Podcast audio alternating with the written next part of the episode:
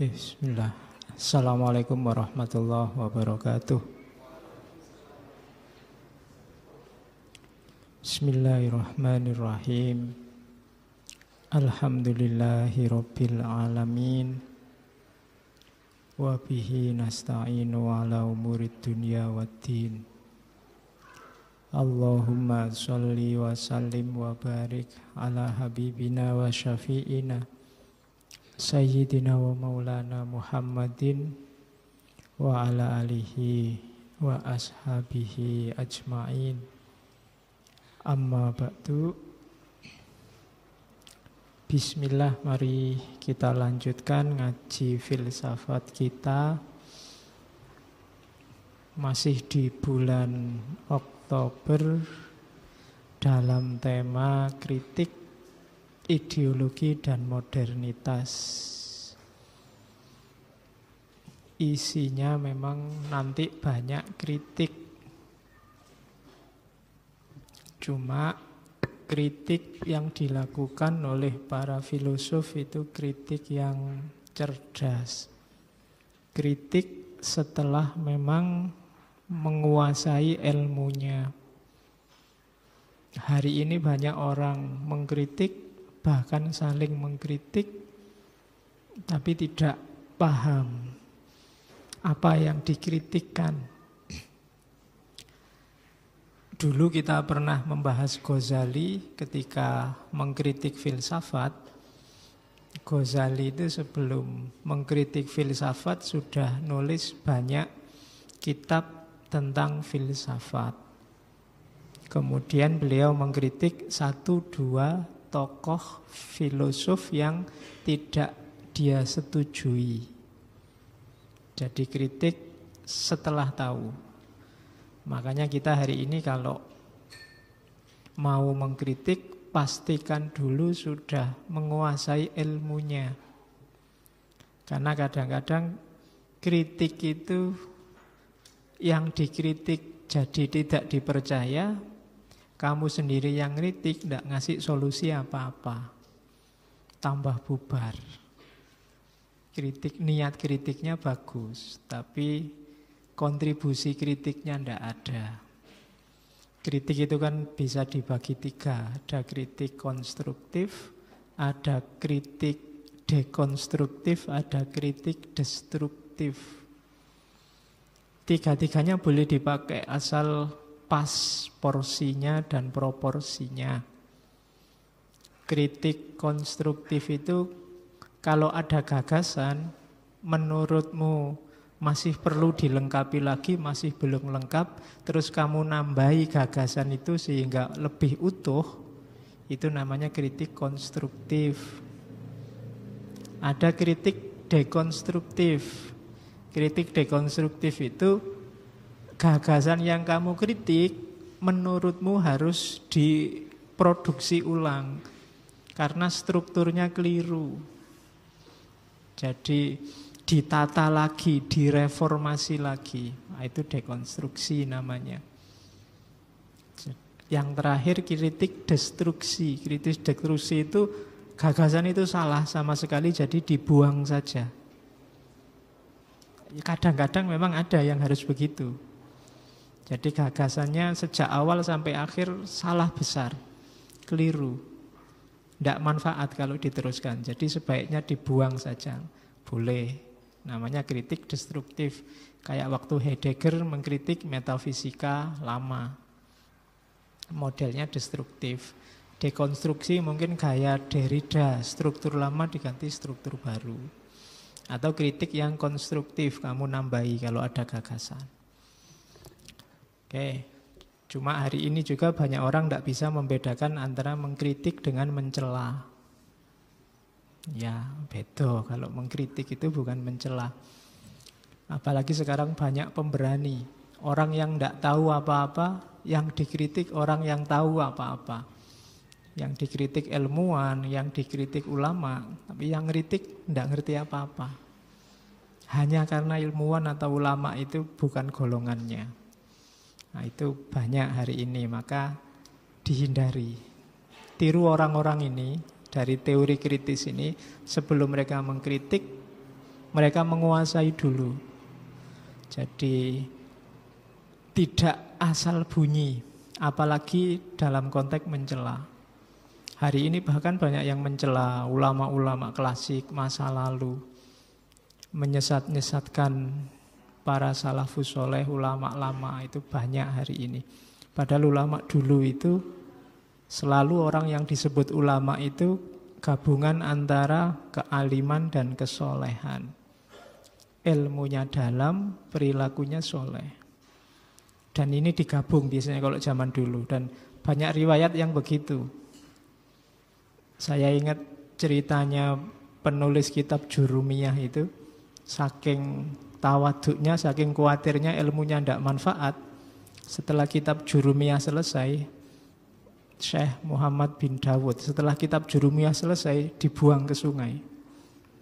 Katanya Syekh Muhammad bin Dawud, ya Allah kalau kitabku tulisanku ini ada manfaatnya bisa maslahat buat umat biarkan dia di situ tidak basah tapi kalau tidak ada manfaatnya hilang saja ikut arus sungai makanya dikasih judul jurumiyah jurumiyah itu mengalirlah air karena memang dibuang di sungai sampai tapi ternyata tidak tidak tidak hanyut ya tetap di situ di depannya Syekh Muhammad Dawud baru beliau berani menerbitkan menyebarkan tulisannya. Padahal cuma kitab Nahwu. Itu ulama zaman dulu. Ghazali waktu nulis Ihya, katanya Imam Jalaluddin Suyuti, setiap kali mau memasukkan hadis dalam Ihya, Ghazali sholat dua rakaat. Terus tulisan hadisnya dibau, dicium. Kalau baunya wangi dimasukkan. Unik ya. Itu tapi katanya Imam Jalaluddin Suyuti. Sekarang banyak yang mengkritik Ghazali dengan ikhya-nya dianggap pakai hadis doif lah, pakai hadis maudhu lah. Tapi Ghazali punya cara sendiri untuk mentaskeh hadis. Jadi di bau tulisannya kalau baunya wangi berarti itu sah. Itu para ulama zaman dulu begitu. Atau Ibnu Arabi. Ibnu Arabi itu katanya Ibnu Hajar Haitami waktu dia nulis Futuhat Makiyah itu Begitu kitabnya jadi dibuang ke atas Ka'bah. Ditinggal setahun. Katanya Ibnu Arabi, kalau memang kitab itu manfaat, ya dia akan utuh. Tapi kalau nggak manfaat, biar aja hancur. Setahun itu, padahal di tahun itu aja badai, ada hujan. Setelah setahun dilihat kitabnya masih utuh. Dan Ibnu Arabi berani menyebarkan kitab itu.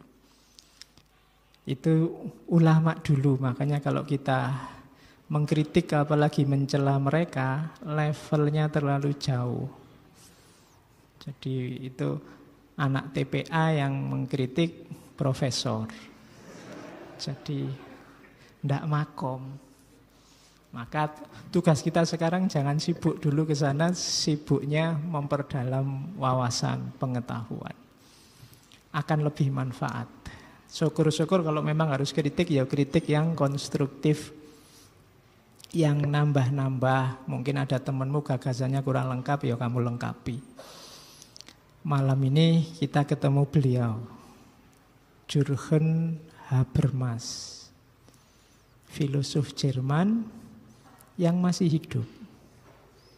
Beliau lahir 1929 sekarang 2017 berarti sekitar 88 usianya. Jadi termasuk berumur panjang. Ngalami kalau di Indonesia berarti beliau ngalami penjajahan Belanda, penjajahan Jepang, Soekarno, Soeharto, SBY sampai hari ini Jokowi. Oh, sudah luar biasa berumur panjang cuma ya profesor Cuma beliau kalau sekarang sudah pensiun, sudah terlalu tua. Sekali dua kali mungkin ngisi-ngisi diskusi undangan seminar. Tidak lagi seaktif dulu, tapi gagasan-gagasannya masih jadi kajian hangat sampai hari ini. Teman-teman yang kuliah filsafat, kuliah mungkin sosial, sosiologi, ilmu sosial mungkin kenal dengan beliau atau ilmu komunikasi mungkin juga kenal dengan beliau. zaman awal-awal karirnya Habermas ini idolanya mahasiswa. Karena gagasan-gagasan kritisnya. Mahasiswa itu kan seneng kalau diajak ngeritik-ngeritik itu seneng deh. Mencela-mencela, menjatuhkan itu seneng. Apalagi teorinya disediakan oleh Habermas. Meskipun nanti belakangan ketika mahasiswa itu demo dan anarkis dan kekerasan, terus Habermas nulis buku tentang itu, bikin tulisan tentang ketidaksetujuannya dengan gerakan mahasiswa, ganti kemudian dia dibenci oleh mahasiswa. Tapi bagi ilmuwan besar seperti Habermas disukai apa dibenci tidak masalah. Karena tugasnya filosof ilmuwan itu ya kalau benar ya diomongkan benar, kalau salah ya diomongkan salah. Kecuali ilmuwan pesenan yang dibayar. Nah, itu benar salahnya tergantung yang bayar. Minggu depan kita ngomong itu di Antonio Gramsci. Oke, itu Habermas. Dulu kita pernah ngaji, saya lupa sesi keberapa tentang Habermas juga. Cuma agak umum, malam ini kita kerucutkan sedikit ke komunikasinya. Karena teori yang paling dikenal dari Habermas itu kan teori tentang communicative action. Ada dua buku tebal yang ditulis tentang itu. Kalau ada yang mau filenya saya punya bahasa Inggris. Ya sudah terjemahan itu bahasa Inggris, aslinya bahasa Jerman. Ya, jadi gratis tidak apa-apa kalau ada yang mau. Sopo ngerti ada yang mau bikin disertasi tentang Habermas atau biasanya dipakai kerangka teori. Teorinya mudah sebenarnya, simple kalau kita paham. kalau paham pas baca tulisannya. Oke, kita mulai ya. Bismillahirrahmanirrahim. Kamu fatihai sendiri ya, Bermas. Yang pertama, Habermas ini dikenal sebagai tokoh kritis, teori kritis generasi kedua. Melanjutkan guru-gurunya, dosennya di generasi pertama. Generasi pertama bagian akhir itu kan kemarin kita bahas Markiuse. Sebelum itu ada Horkheimer, ada Adorno, dan kebetulan Habermas ini asistennya Adorno. Meskipun nanti setelah dibenci mahasiswa di di Frankfurt, dia pindah ke Institut Penelitian Max Planck. Dan di Max Planck ini dia nulis banyak. Buku-bukunya sebagian besar ditulis di sana setelah dia pindah dari Frankfurt. Tapi ilmu-ilmunya semua digali dari guru-gurunya.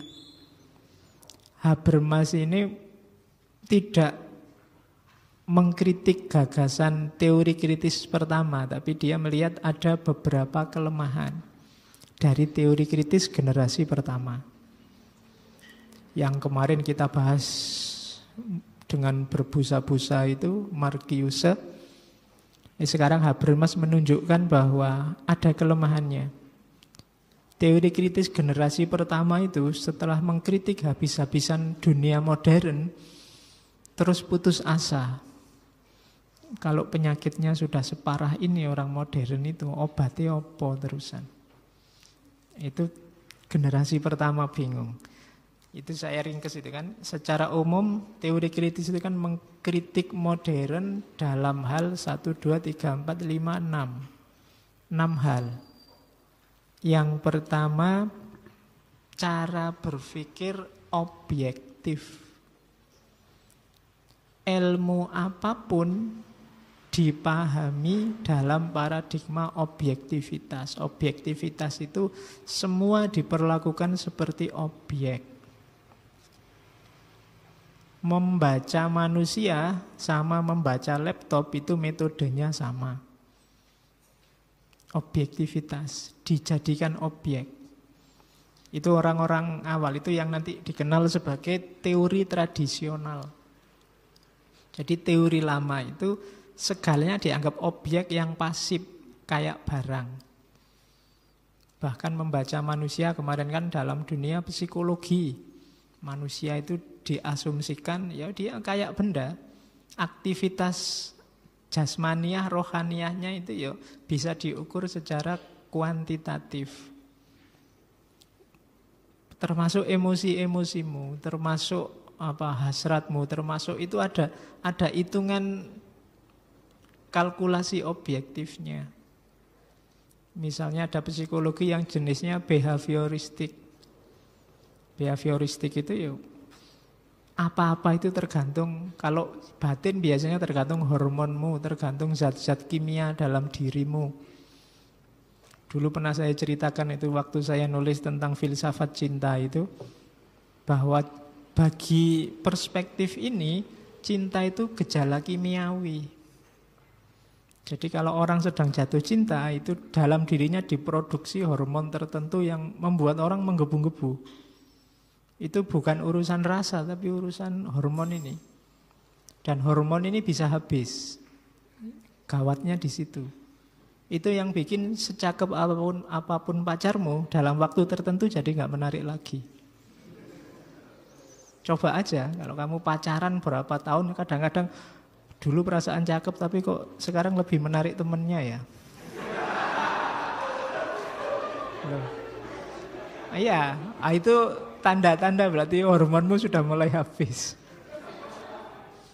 Nah nanti kalau kamu ganti lagi, mungkin ganti pasangan, hormonnya diproduksi lagi dengan banyak. Nah, makanya besok kalau kamu merasa sudah ah ini sudah tidak ada rasanya, berarti saatnya ganti biar hormonnya diproduksi lagi. Oke, jangan-jangan itu rahasia di balik poligami. Kamu kan selalu komplain, oh, istrinya sudah cantik-cantik begitu kok masih kawin lagi. Lo itu hormonnya sudah habis.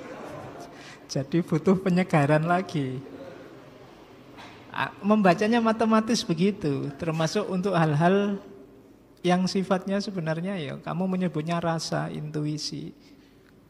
Kalau psikologi misalnya anak kecil umur sekian terikat sama orang tua, umur sekian terikat sama temennya, umur sekian baru mengenal lawan jenis, umur sekian baru ngerti apa itu jatuh cinta. Itu kan eksak. Padahal ndak ndak seeksak itu manusia. Hari ini anak SD kecil-kecil itu di HP-nya ya sudah beda sama kalian dulu. Mungkin zaman kalian SD masih belum pakai baju, belum pakai celana, main-main di luar. Sekarang temennya cowok sama cewek ngobrol dia sudah rame. Wah pacaran ya, wah gitu. Anak SD sudah ngerti begitu. Teori psikologi yang daki-daki gugur semua. Ternyata tidak bisa begitu. Kamu kan berteori kalau orang ini dikasih didikan moral yang bagus sejak kecil, mungkin ditaruh di pondok sampai besar, maka dia akan jadi orang mulia. Tapi ya banyak contoh sudah sejak kecil mondok begitu jadi pejabat ya curang. Tidak cocok sama teorinya karena memang yang dibaca manusia. Manusia itu tidak eksak. Itu yang dikritik oleh madhab Frankfurt.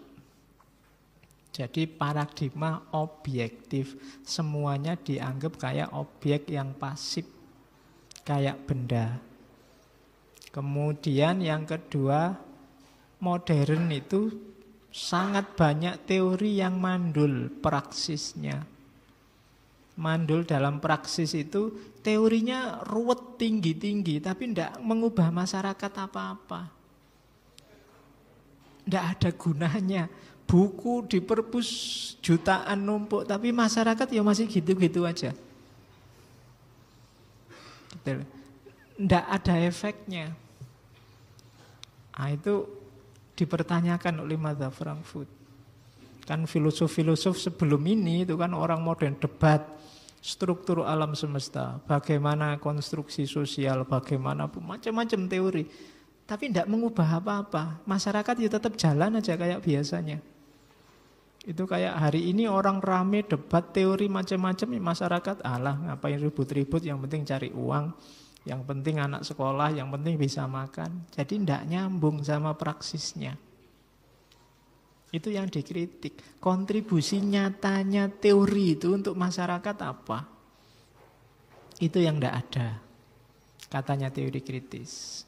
Makanya Karl Marx itu dengan filsafat marxismenya kan dia pernah bilang, ya filosof itu membahas dunia dalam-dalam. Padahal yang penting bukan itu. Yang penting itu gimana caranya mengubah masyarakat.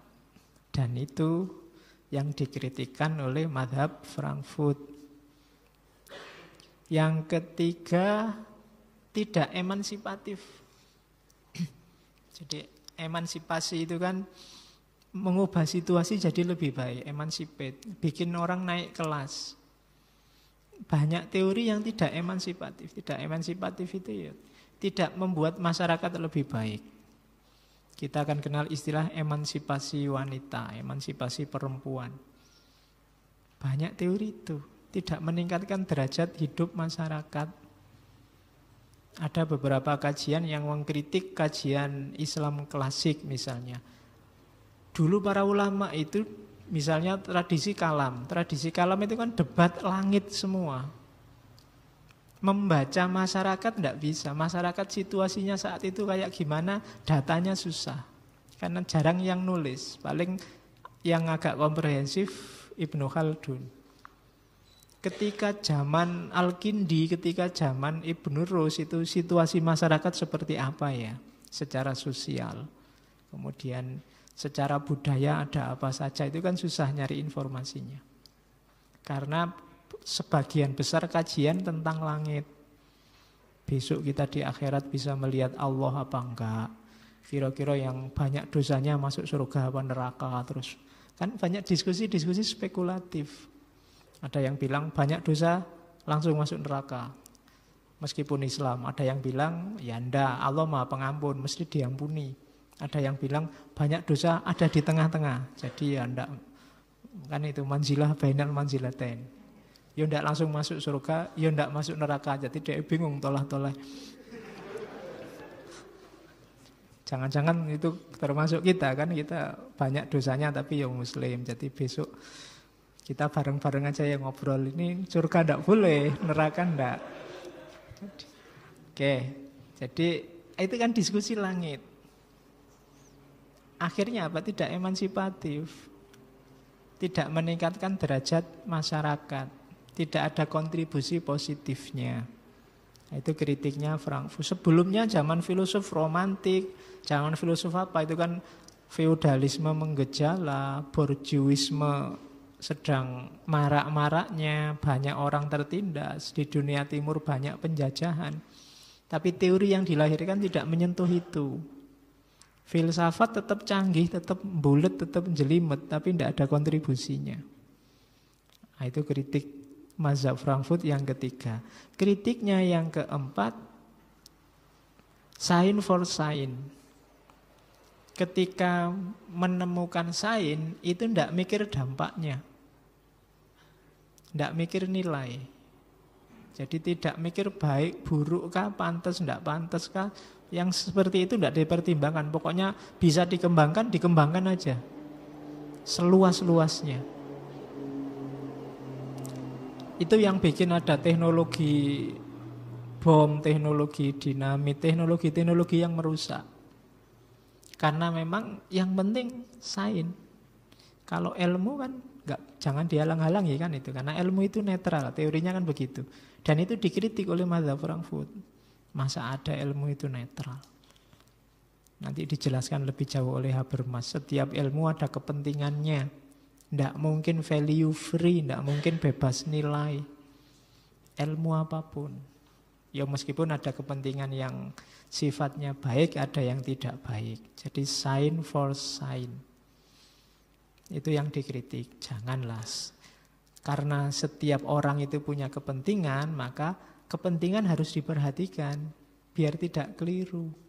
Kita mengembangkan ilmu apa itu kan untuk kepentingan apa? Terus, yang kelima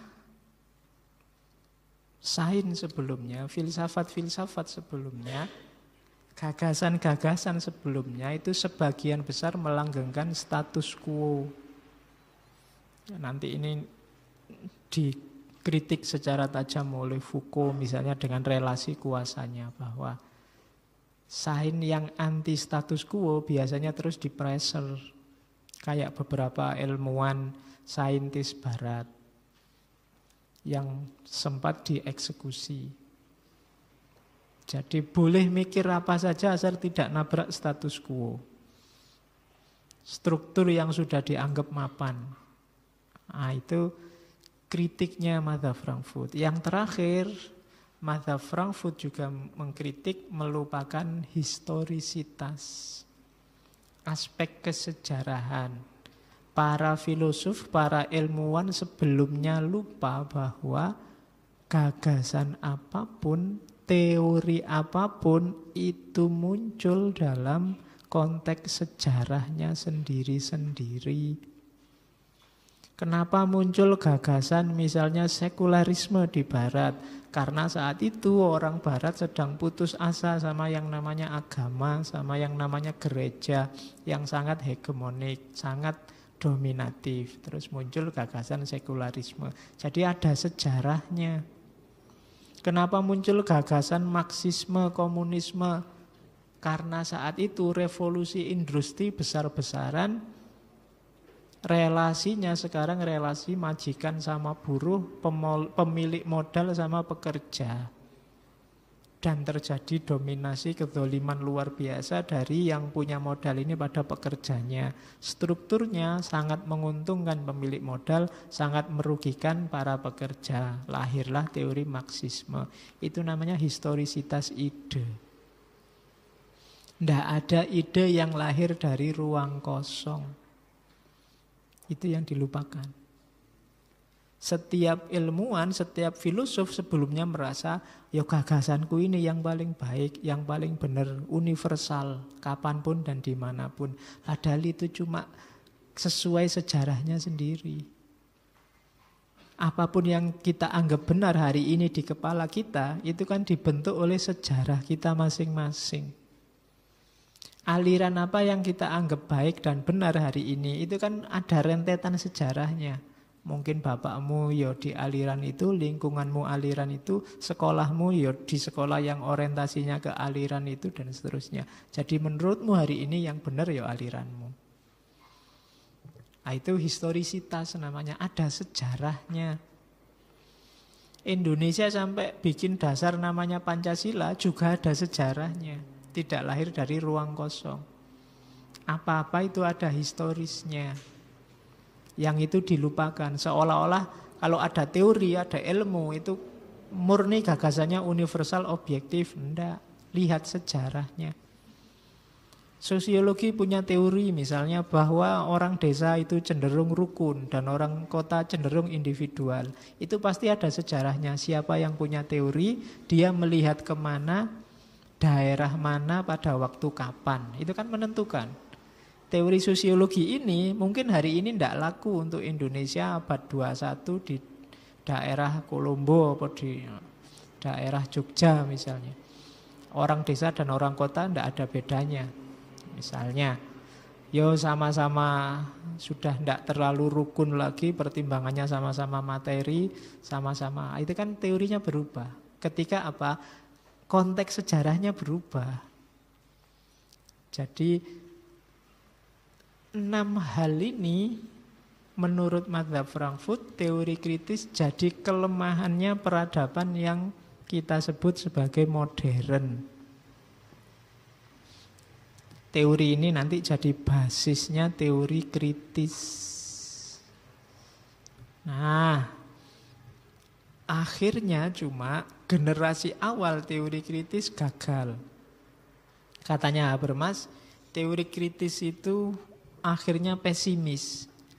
Lah kalau situasinya sudah separah itu, semuanya sudah tunduk habis-habisan pada struktur, nggak ada lagi yang bisa dilakukan. Kita sudah ditelan oleh peradaban yang namanya modern. Kemarin dijelaskan panjang lebar oleh Marcuse dalam kita ini jadi one dimensional man.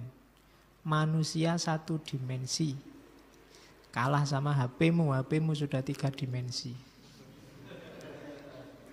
Kamu masih satu dimensi.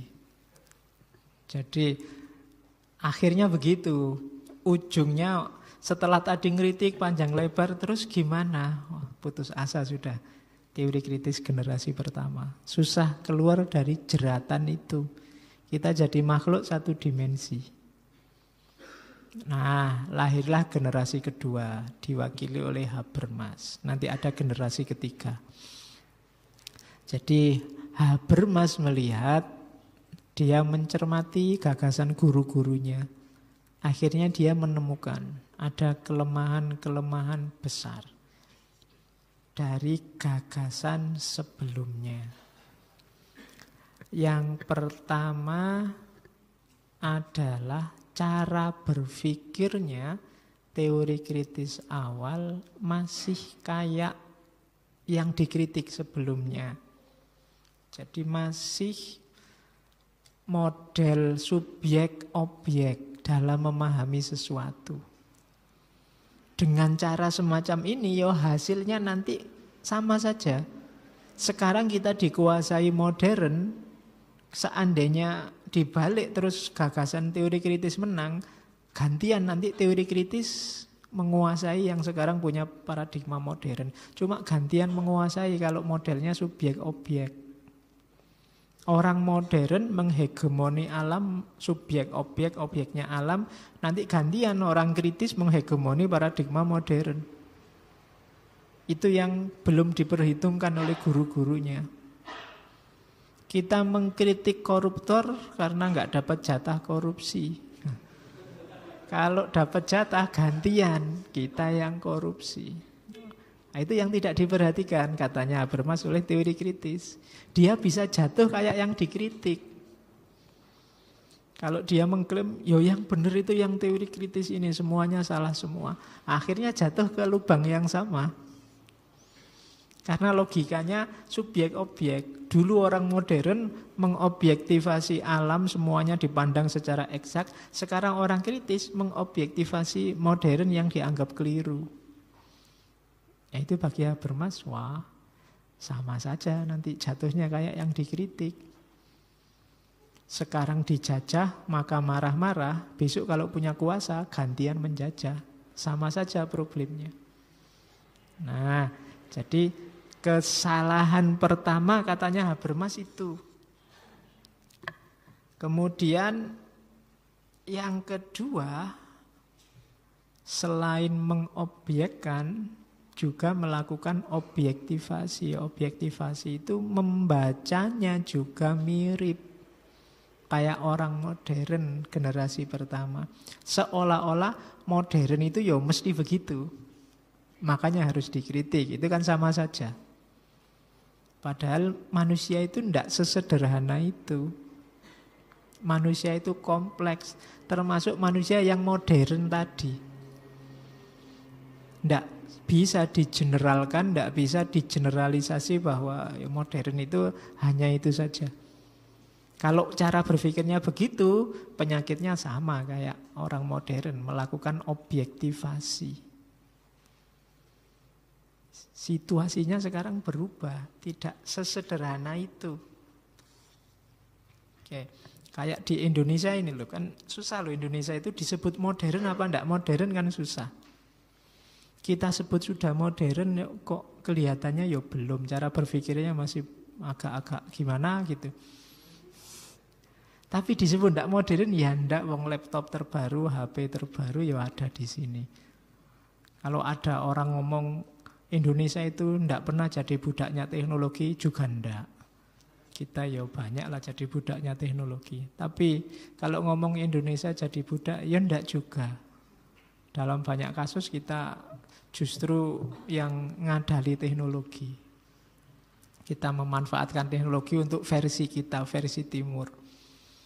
Ya memanfaatkan teknologi untuk timur itu kan kliniknya tetap tapi ya teknologinya jalan sehingga kan begitu. Hasilnya nanti kan bawa kamera ke kuburan. Lo itu orang-orang madhab Frankfurt mesti bingung itu. Ini ketoke wis modern tapi bawa kamera ke kuburan. nyari tanda-tanda hantunya ada di mana. Ya pada wae. Ya kan? Oke, mau kuliah di fakultas teknik biar bisa diterima ke dukun. Loh itu kan kontraproduktif loh. Teknik itu kan sangat rasional, tapi biar diterima malah neng dukun. Itu kan tidak nyambung. Oke. Jadi itu yang dikritik oleh Habermas. Ndak, ndak. Situasinya ndak sesederhana itu. Kalau dipakemkan bahwa itulah modern maka harus direvisi total, ada yang keliru. Karakternya nanti sama, subjek objek dan objektivasi. Tidak bisa. Kalau di model begitu ya hasilnya tetap putus asa nanti. Dikasih solusi apa pun tidak akan bisa. Karena sudah dipatenkan tadi. Maka Habermas, ayo membangun teori kritis, dilanjutkan lagi kritiknya tadi. Hanya kurang beberapa komponen yang belum masuk, katanya Habermas.